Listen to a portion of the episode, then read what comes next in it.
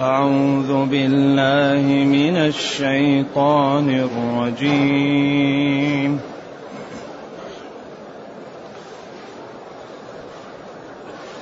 وجاء أهل المدينة يستبشرون. قال إن هؤلاء ضيفي فلا تفضحون. واتقوا الله واتقوا الله ولا تخزون. قالوا أولم ننهك عن العالمين قال هؤلاء بناتي إن كنتم قال هؤلاء بناتي إن كنتم فاعلين. لعمرك إنهم لفي سكرتهم. لعمرك إنهم لفي سكرتهم يعمهون. فأخذتهم الصيحة مشرقين. فجعلنا عاليها سافلها وأمطرنا عليهم حجارة من سجيل. إن في ذلك لآيات للمتوسمين. وإنها لبسبيل مقيم. إن في ذلك لآية للمؤمنين. وإن كان أصحاب الأيكة لظالمين.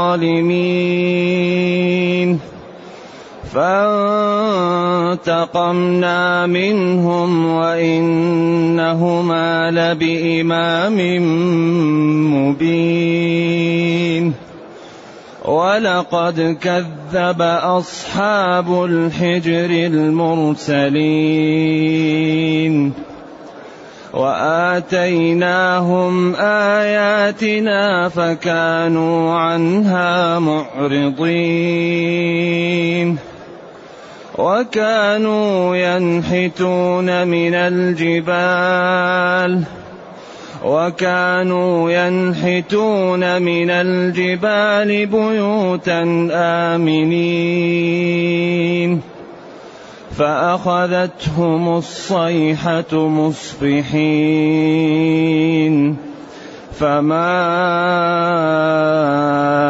أغنى عنهم فما أغنى عنهم ما كانوا يكسبون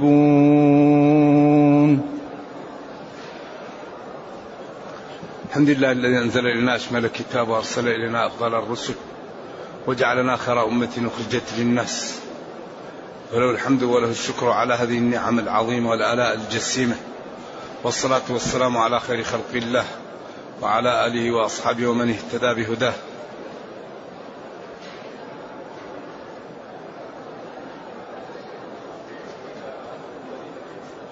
أما بعد فإن الله جل وعلا يقول وجاء أهل المدينة يستبشرون.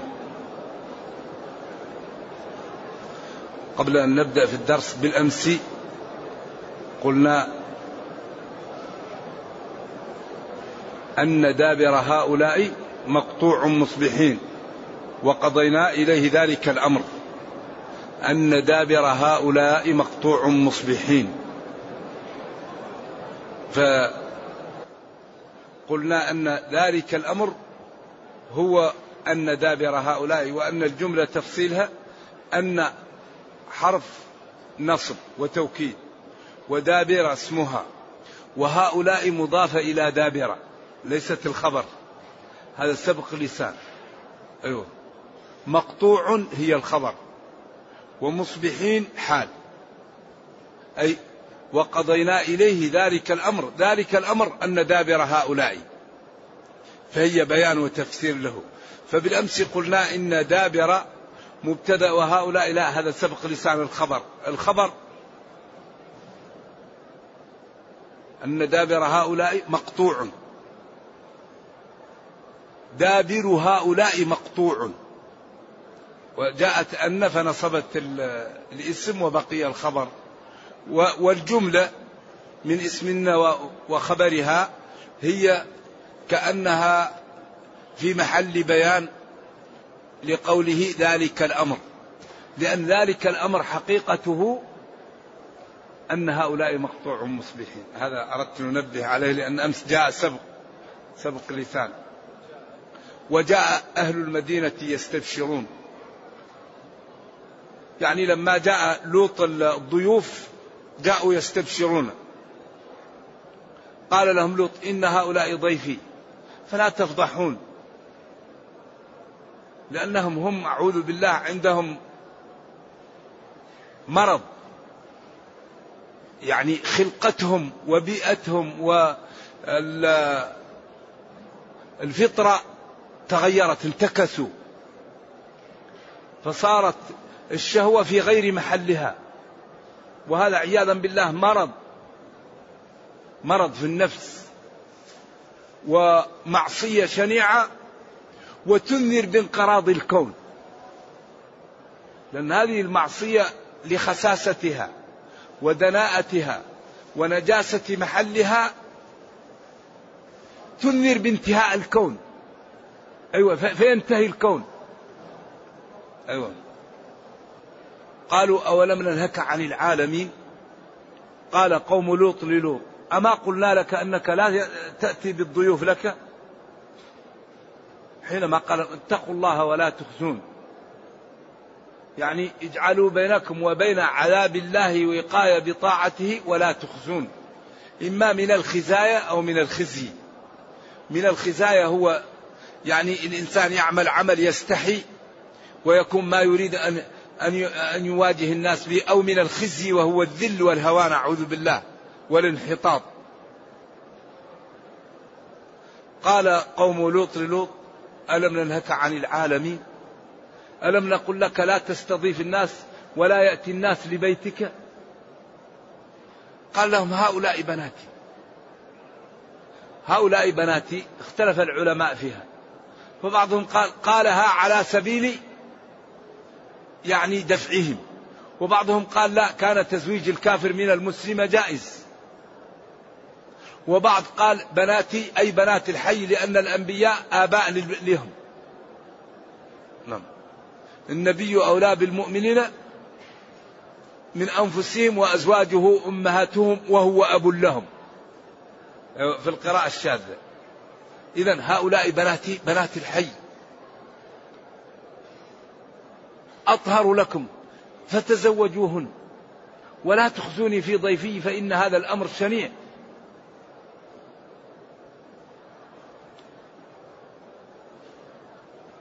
قالوا أولم نهك قال هؤلاء بناتي إن كنتم فاعلين. إن كنتم لا بد مباشرين هذا العمل الخسيس فتعالوا نزوجكم البنات. وجاءت القصة موضحة في هود. لقد علمت ما لنا في بناتك من حق وإنك لتعلم ما نريد. هنا رحمة الله على لوط كان يأوي إلى ركن شديد. قال لو أن لي بكم قوة أو آوي إلى ركن شديد. لوط لا يعلم الغيب. عند ذلك لما جاءت نقطة الصفر تجلت الأمور. فإذا هم هؤلاء ضيوف الله ورسل الله وجاءوا لإهلاكهم وهذا لتزيد المعصية فتقوى العقوبة. فقال له جبريل يا لوط إنا رسل ربك لن يصلوا إليك.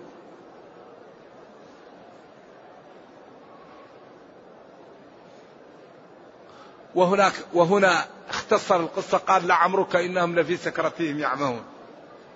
وأخذ جبريل جناحه ومسحه على وجوههم فلم يبقى أثر للعين ولا للأنف ولا للفم. بقي الوجه كالكف. طمسنا أعينهم. ما بقي أثر لمعالم الوجه لم يبقى. بقي الوجه بقي الوجه مثل القفا. ما في محل. طمسناه. وأخذ جبريل جناحه ورفع القرى إلى السماء وقلبها بهم وبعدين أرسل عليهم حجارة من من سجيل وهذه عقوبة المجرمين العاصين. وفي الآخرة الأمر أشد وأشد. لعمرك أي أقسم الله بعمر نبيه تعظيما له وتشريفا له. إنهم تأكيد لفي سكرتهم لفي ضلالتهم وفي يعني قمة وقوعهم في الفاحشة فيما لا ينبغي يعمهون يتحيرون ويترددون. لا ولذلك عبر عما هم فيه من الضلال والانهماك بالسكرة. لأن السكران لا يخاف ولا يسمع ولا يبالي. فكأن ما هم فيه كالسكران. سكران يعني قمة ما هم فيه من الشهوة ومن عدم المبالاة ومن عدم الخوف. قلوبهم مليئة من المعاصي مليئة من الشهوة مليئة من عدم المبالاة مليئة من الاطمئنان. ما يهمهم. إنهم لفي سكرتهم يعمهون. فأخذتهم الصيحة مشرقين يعني كأن هذا الوقت وقت تكون الناس فيه هدوء والأخذ فيه على غرة تكون العقوبة تأخذ أكبر ممكن من قلوب الناس من الجزع ومن الإهانة. لأنه لو كان في غير هذا الوقت لرى الناس ما مخايل العذاب قبله فيكون وقعه أخف. لكن إذا كان في هذا الوقت والناس على غرة فيكون الأخذ يأخذ وقع من الألم ومن الحزن ومن العقوبة أكبر. ذلك قال فأخذتهم الصحة مشرقين. فجعلنا عاليها سافلها وأمطرنا عليهم حجارة من سجين. الطين المطبوخ.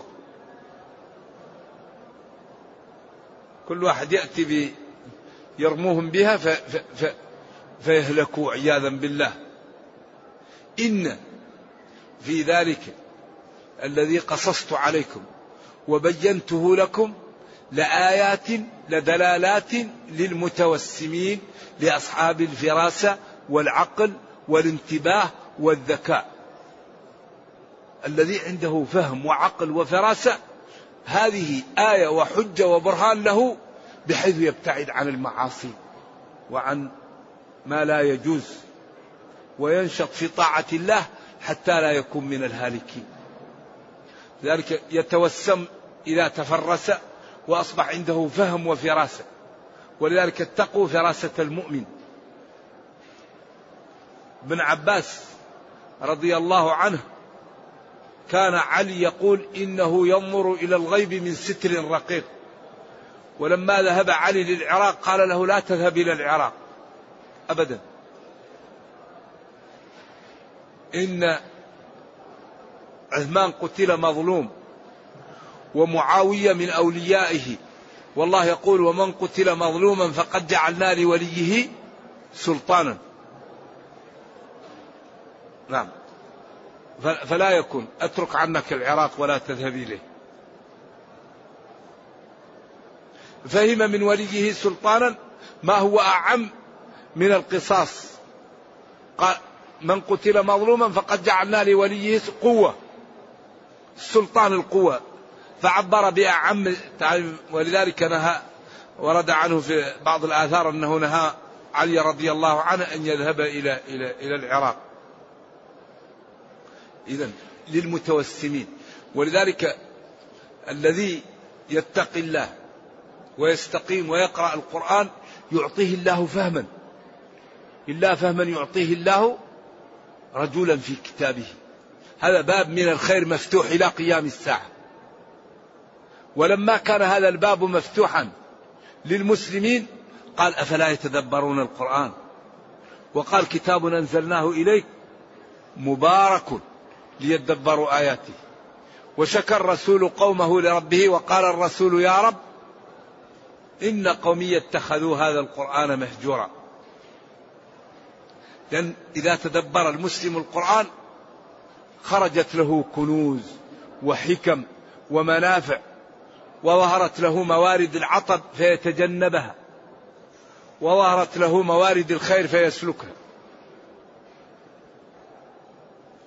إن في ذلك الذي قرأته لكم وبينته لكم لآيات دلالات للذين يتفرسون ويعقلون ويفهمون. وإنها أي قراهم لبطريق مقيم مستقيم. إذ يروها الناس فتكون عبر لهم. ما يحتاج يلف لها. فإذا رأوها يعتبر بها. بعدين قال وإن كان أصحاب الأيكة لظالمين. فانتقمنا منهم وإنهما لبإمام مبين. كذلك أصحاب ليكة وهم قوم شعيب. رسل إلى جماعتين قوم وأصحاب ليكة ولذلك كانوا يكفرون ويطففون الكيل. فقال لهم إيش؟ قالوا يا شعيب ما نفقه كثيرا مما تقول وإنا لنراك فينا ضعيفا. ولولا رهطك لرجمناك وما أنت علينا بعزيز. قال يا قوم أرهطي أعز عليكم من الله واتخذتموه وراءكم مهريا؟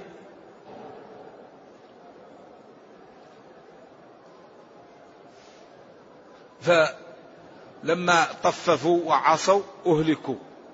والأيكة هي الغيظة المحل الذي فيه الأشجار ملتفة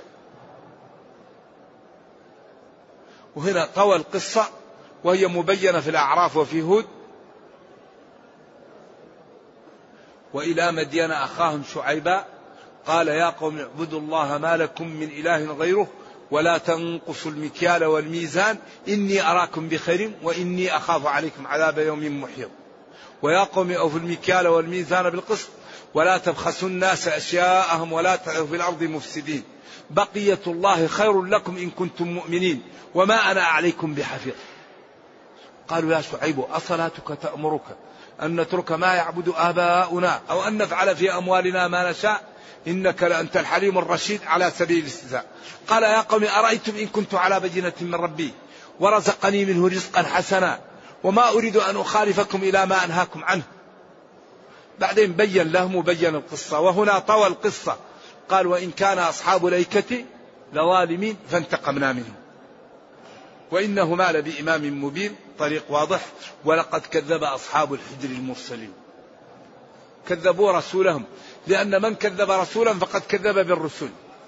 طريقتهم واحدة ودينهم واحد وربهم واحد وشريعتهم واحدة. كل واحد منهم يقول اعبدوا الله ما لكم من إله غيره. كل واحد ينهى عن الفواحش وعن الظلم وعن قتل النفس بالظلم. ولكن بينهم اختلاف فيش في الفروع. نحن معاشر الأنبياء ديننا واحد ولكن في الفروع أبناء علات ولقد كذب أصحاب الحجر وهم قوم صالح. المرسلين صالح لأن من كذب صالح فقد كذب الرسل.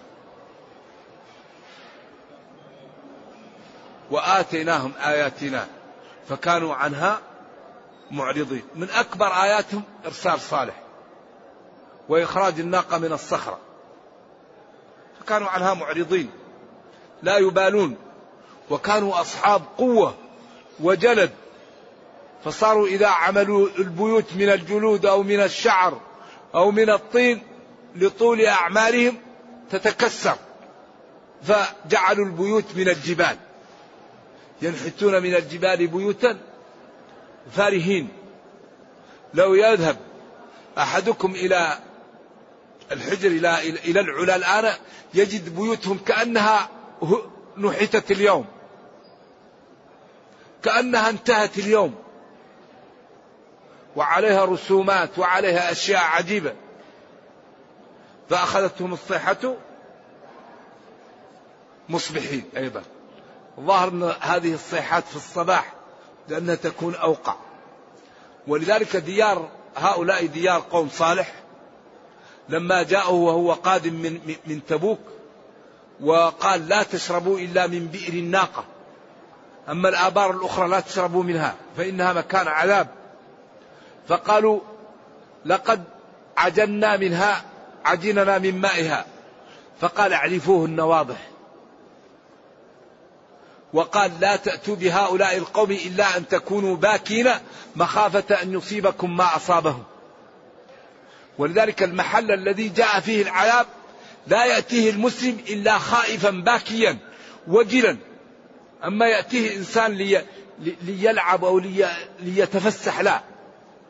لا تأتوا لديار هؤلاء القوم إلا أن تكونوا باكين. مخافة أن يصيبكم ما أصابهم. فهي محل عذاب ومحل عياذا بالله الاتعاظ والاعتبار فالمسلم إذا جاءها يأتيها مليء بالخوف ومليء من البكاء ومليء من الانكسار لأن هؤلاء القوم أقوى قوم قوم عاد قوم صالح. كانوا ينحتون من الجبال بيوتا فرهين آمنين لا يخافون. فهلكوا. فلذلك من أراد أن يأتيها فليأتيها للاعتبار وللخوف ويأتيها منكسر الخاطر. نعم. ولذا كل الآبار لا يشرب منها ولا يسقى لأن محل عذاب إلا بير الناقة. هو الذي أمرهم بيشربوا منه والحديث في البخاري وفي غيره. نعم. فأخذتهم الصحة مشرقين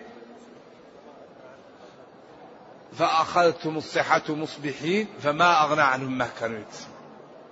ما دفع عنهم ولا نفعهم ما كان عندهم من البيوت ومن القوة ومن الجلد. ولذلك عياذا بالله أمرهم أمر إمر. يقولون لنبيهم أخرج لنا ناقة من صخرة.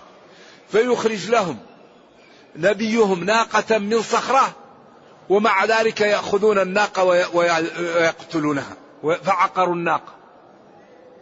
وعتوا عن ربهم وقالوا يا صالح ائتنا بما تعدنا إن كنت من المرسلين. فأخذتهم الرجفة يعني نوع من الجراءة والكفر والعناد والجهل لا يوصف.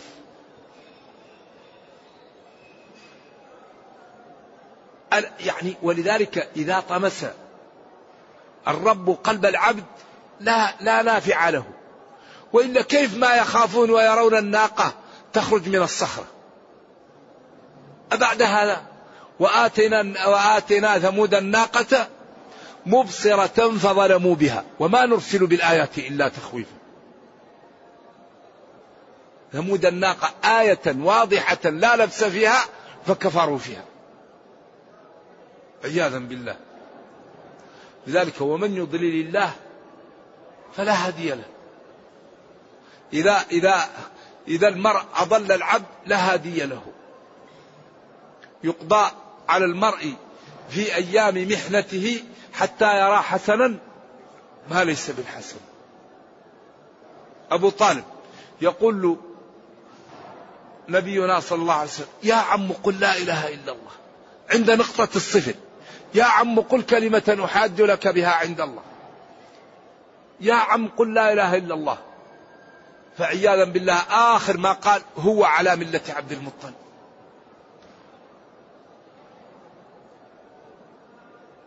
فالنبي صلى الله عليه وسلم حزن عمه وقام بالدعوة ونصره وجاهد فيه. قال لأستغفرن لك ما لم أنهى قال ما كان للنبي والذين آمنوا أن يستغفروا للمشركين ولو كانوا أولي قربى من بعد ما تبين لهم أنهم أصحاب الجحيم ثم اعتذر لإبراهيم. وقال له إنك لا تهدي من أحببت.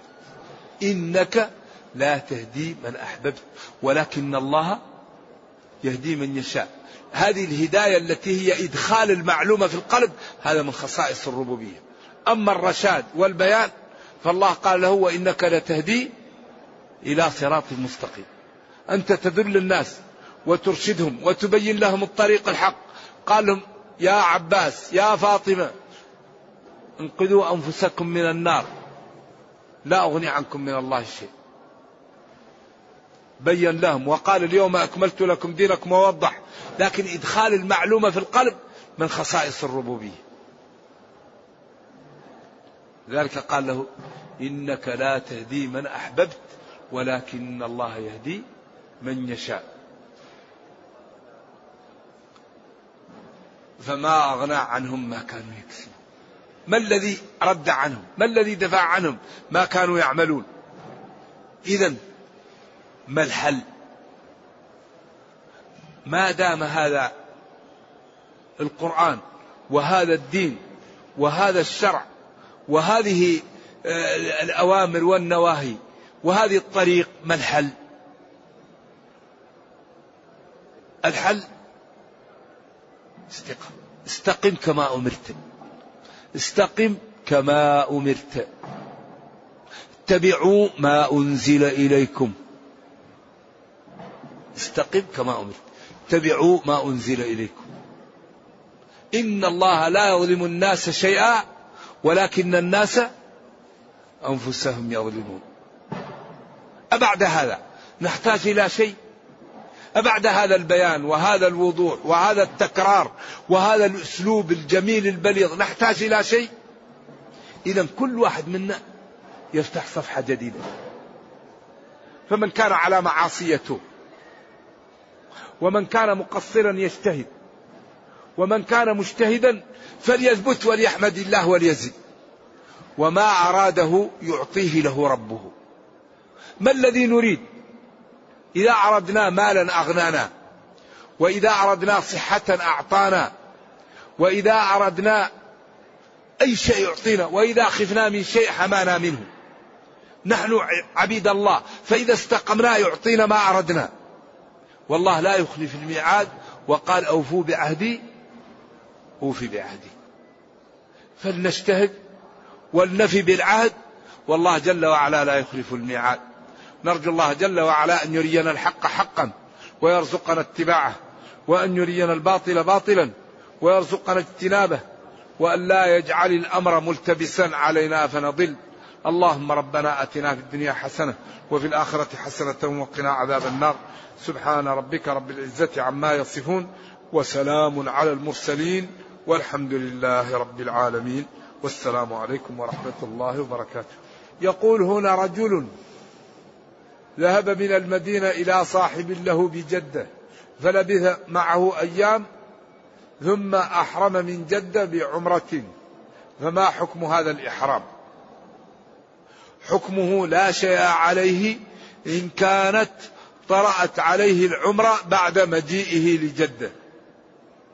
يجوز للمسلم الذي يريد أن يذهب لمكة وهو لا يريد العمرة أن يدخلها من غير إحرام. هذا الصحيح. والأفضل أن مكة لا يدخلها إلا محرم. هذا الأفضل. لأنه والذي وراء المواقيت يعني قبل قبل المواقيت لا يجوز له أن يتعدى الميقات الذي يمر به وهو يريد الحج والعمر إلا متصف بالإحرام. هن أي المواقيت لهن أي لأصحابها. ولمن أتى عليها. من غير أهلها. ممن أراد الحج أو العمرة. ومن كان منزله دون المواقيت فليحرم منه حتى أهل مكة. يهلون من مكة للحج. نعم. حتى أهل مكة من مكة. فهذه المواقيت لا يتعداها المسلم يريد النسك إلا أحرم. أما إذا كان لا يريد النسك وذهب إلى جدة أو إلى عسفان وتعدى الميقات ثم لما جلس هناك أيام طرأت عليه العمرة يعتمر ولا شيء عليه. نعم. يقول ذكر أن مكان قوم لوط هو البحر الميت هل هو صحيح؟ الله أعلم. نعم. لأنه نفس شعيب محل وين؟ هل هو في الربع الخالي أو أين؟ وقوم لوط يقال أن البحر الميت أنه آثار رفع جبريل لهم. الله أعلم. أما قوم صالح فمدائنهم لا زالت موجودة وبيوتهم. نعم.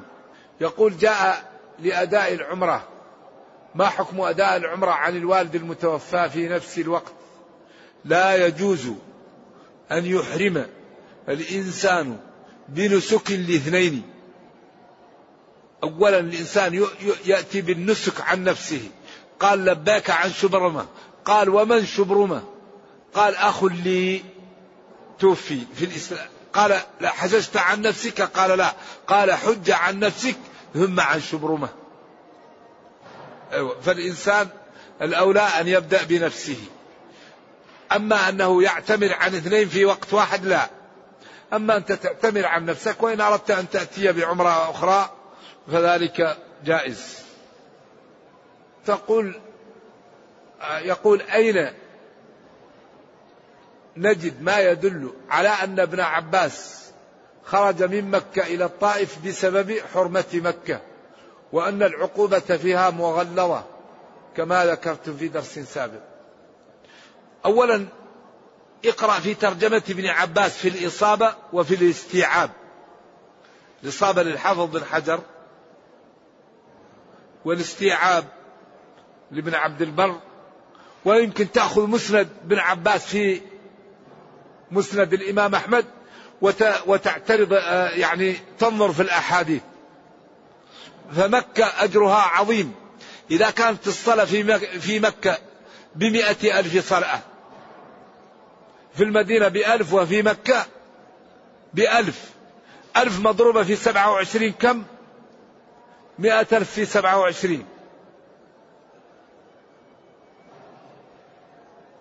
وقسمها على عمر الإنسان فإذا هي الصلاة الواحدة في مكة خمسة وخمسين سنة وخمسة شهور وسبعة عشر يوم. لكن القاعدة الغنم بالغرم. قال ومن يرد فيه بإلحاد بظلم نذقه من عذاب أليم. قال العلماء ولو في عدن أبيان. هذه مكة هذا مكة هذا بيت الله. هذا محل الله جعل فيه الحسنات كثيرة والخير. إذا السيئات كذلك تكون خطر. لكن جمع العلماء بأن المعصية لا تضاعف. من جاء بالحسنة فله عشر أمثالها ومن جاء بالسيئة فلا يجزى إلا مثلها. قالوا لا تضاعف لكن تغلظ جمع بين النصوص. يكون صوت لكن يضرب به أقوى الناس. يكون كأنها مغلظة. نعم وعلى كل حال الأمر سهل والكتب موجودة يمكن واحد يرجع. هل الجلوس على الفخذين؟ لا. يعني كما في حديث جبريل إيش؟ يؤجر عليه المرء.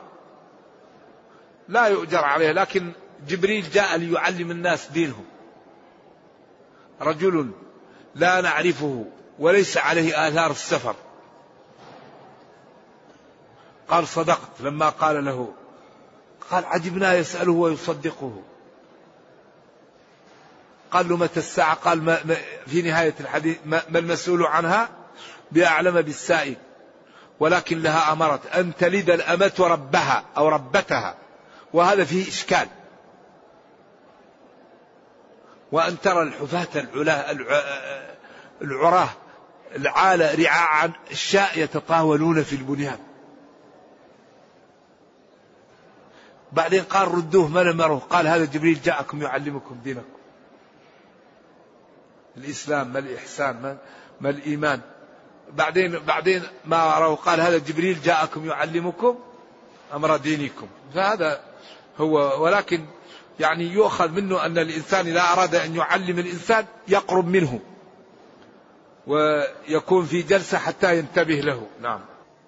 ينبغي أن تكون الأسئلة في أمور يحتاجها الإنسان في دينه أو في دنياه.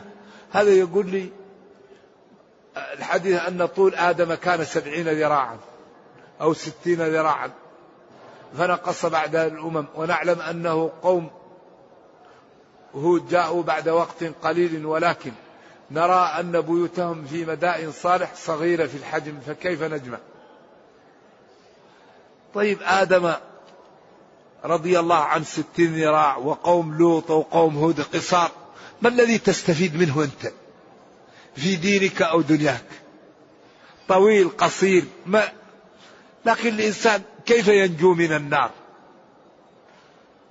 يعني الترف العلمي الواحد يفكر كيف ننجو من النار؟ كيف ندخل الجنة؟ كيف نكون علماء؟ كيف نبر بوالدينا وبجيراننا؟ كيف الإنسان يترك له بصمات قبل أن يموت؟ أما هذا طويل رضي الله عنه أو هذا القصار ما الذي نستفيد منه؟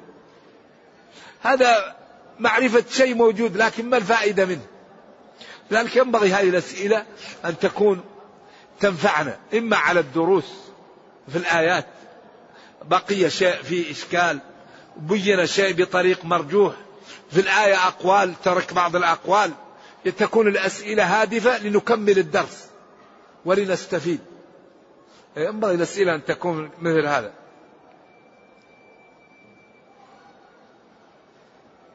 هل لوط نبي, نبي؟ ولماذا قلت رضي الله عنه؟ نبي رضي الله عن الأنبياء. ما يضر لو قلت رضي الله عنهم. وصلى وسلم عليهم. هل إبراهيم كان أبوه أو عمه الذي استغفر له؟ الله قال أبوه والله يقول أنتم أعلم أم الله؟ قال وإذ قال إبراهيم لأبيه آزر وقال يا أبتي وما كان استغفار إبراهيم لأبيه؟ ما قال عمه. قال وإذ قال إبراهيم لأبيه وقال يا أبتي لا تعبدي الشيطان ما قال يا عم؟ وقال وما كان استغفار إبراهيم لأبيه؟ ما قال لعمه. ما أدري الناس إيش بلها. هذا دين دين. الدين ما هو بالهوى. الدين من الله. ولذلك ينبغي أن نتعود على قبول النصوص قبول الحق. نعم.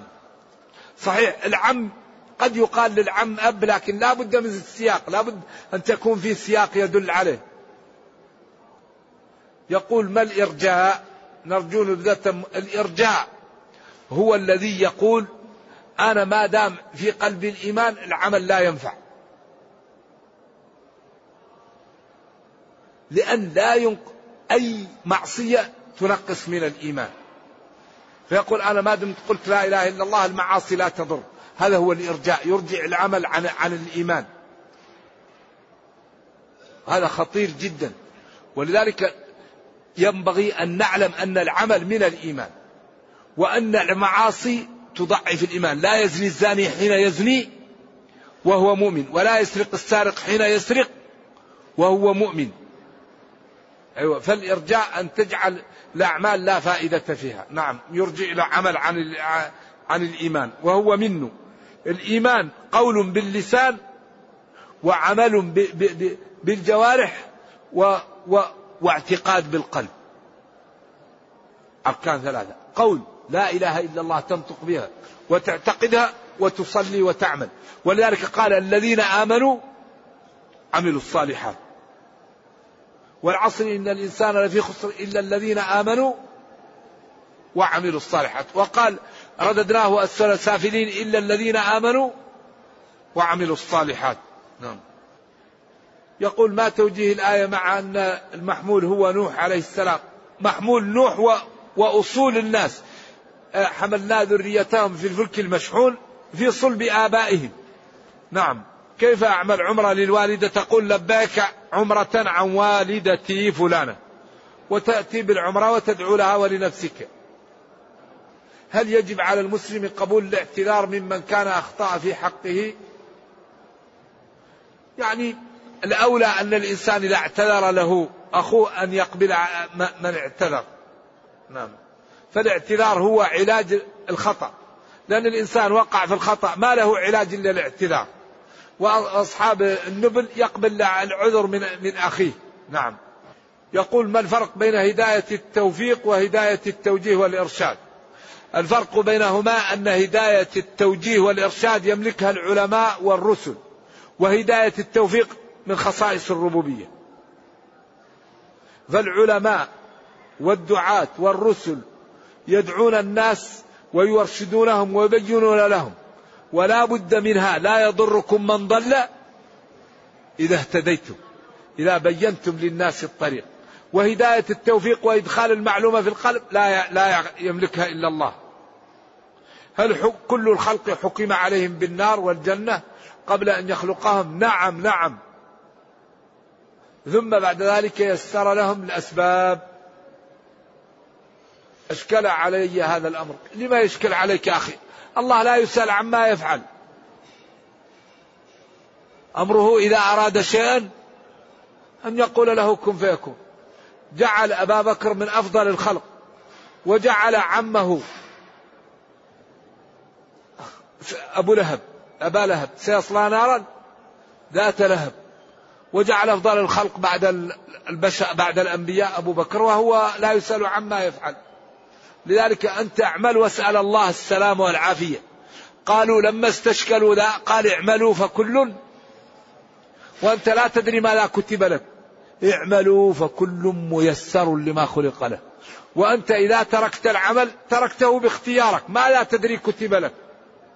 لذلك قال وما كنا معذبين حتى نبعث رسولا. رسلا مبشرين ومنذرين لئلا يكون للناس على الله حجة بعد الرسل وقال في حق أهل النار كلما ألقي فيها فوج سألهم خزنتها. ألم يأتكم نذير؟ قالوا بلى. قد جاءنا نذير فكذبنا. إذا كل واحد كل إنسان يلزمناه طائره في عنقه ونخرج له يوم القيامة كتابا يلقاه منشورا. اقرأ كتابك كفى بنفسك اليوم. عليك حسيبا من اهتدى فإنما يهتدي لنفسه ومن ضل فإنما يضل عليها. ولا تزر وازرة وزر أخرى وما كنا معذبين حتى نبعث رسولا يقول أرجو بيان حكم المسعى الجديد. أما المسعى الجديد الذي أرى أنه لا غبار عليه وأن الصفا جبل والمروة جبل وأن الجبل لا يقال لصخرات. ما يعرف يقال جبل لصخرة أو صخرات الجبل يقال لسلسلة من الحجارة ممتدة. يقال جبل الصفا وجبل المروة. ولا يقال الجبل إلا إذا كان الجبل ممتد والمروة كانت لها مناكب وكانت في قبل مئة سنة يعني يمنع من نزول الناس عليها وراء المدعى. كله كان يقال له المروة. والصفا كانت يعني خالطة على على على جبل بقبيس و والفيروزبادي يقول كانت لي دار فيحاء على جبل الصفا. لما تأتي للصفا. يقول و وكانت وقد بنيت عليها دار. على إيش؟ على الصفا. فالأمر في هذا سهل. ومن أراد الاستزادة فليسأل اللجنة الدائمة للإفتاء لأن عندها فريق وعندها ناس يسألها والأمر في هذا سهل. والصفا ممتد والمروة ممتدة ويطمئن الإنسان والحمد لله أن الأمر إن شاء الله عليه من يؤمن عليه إن شاء الله نعم. ولا أرى في هذا شيء ومن أراد الاستزادة فليسأل اللجنة الدائمة عندها فريق يبحث لها وعندها أمور والله أعلم. نعم.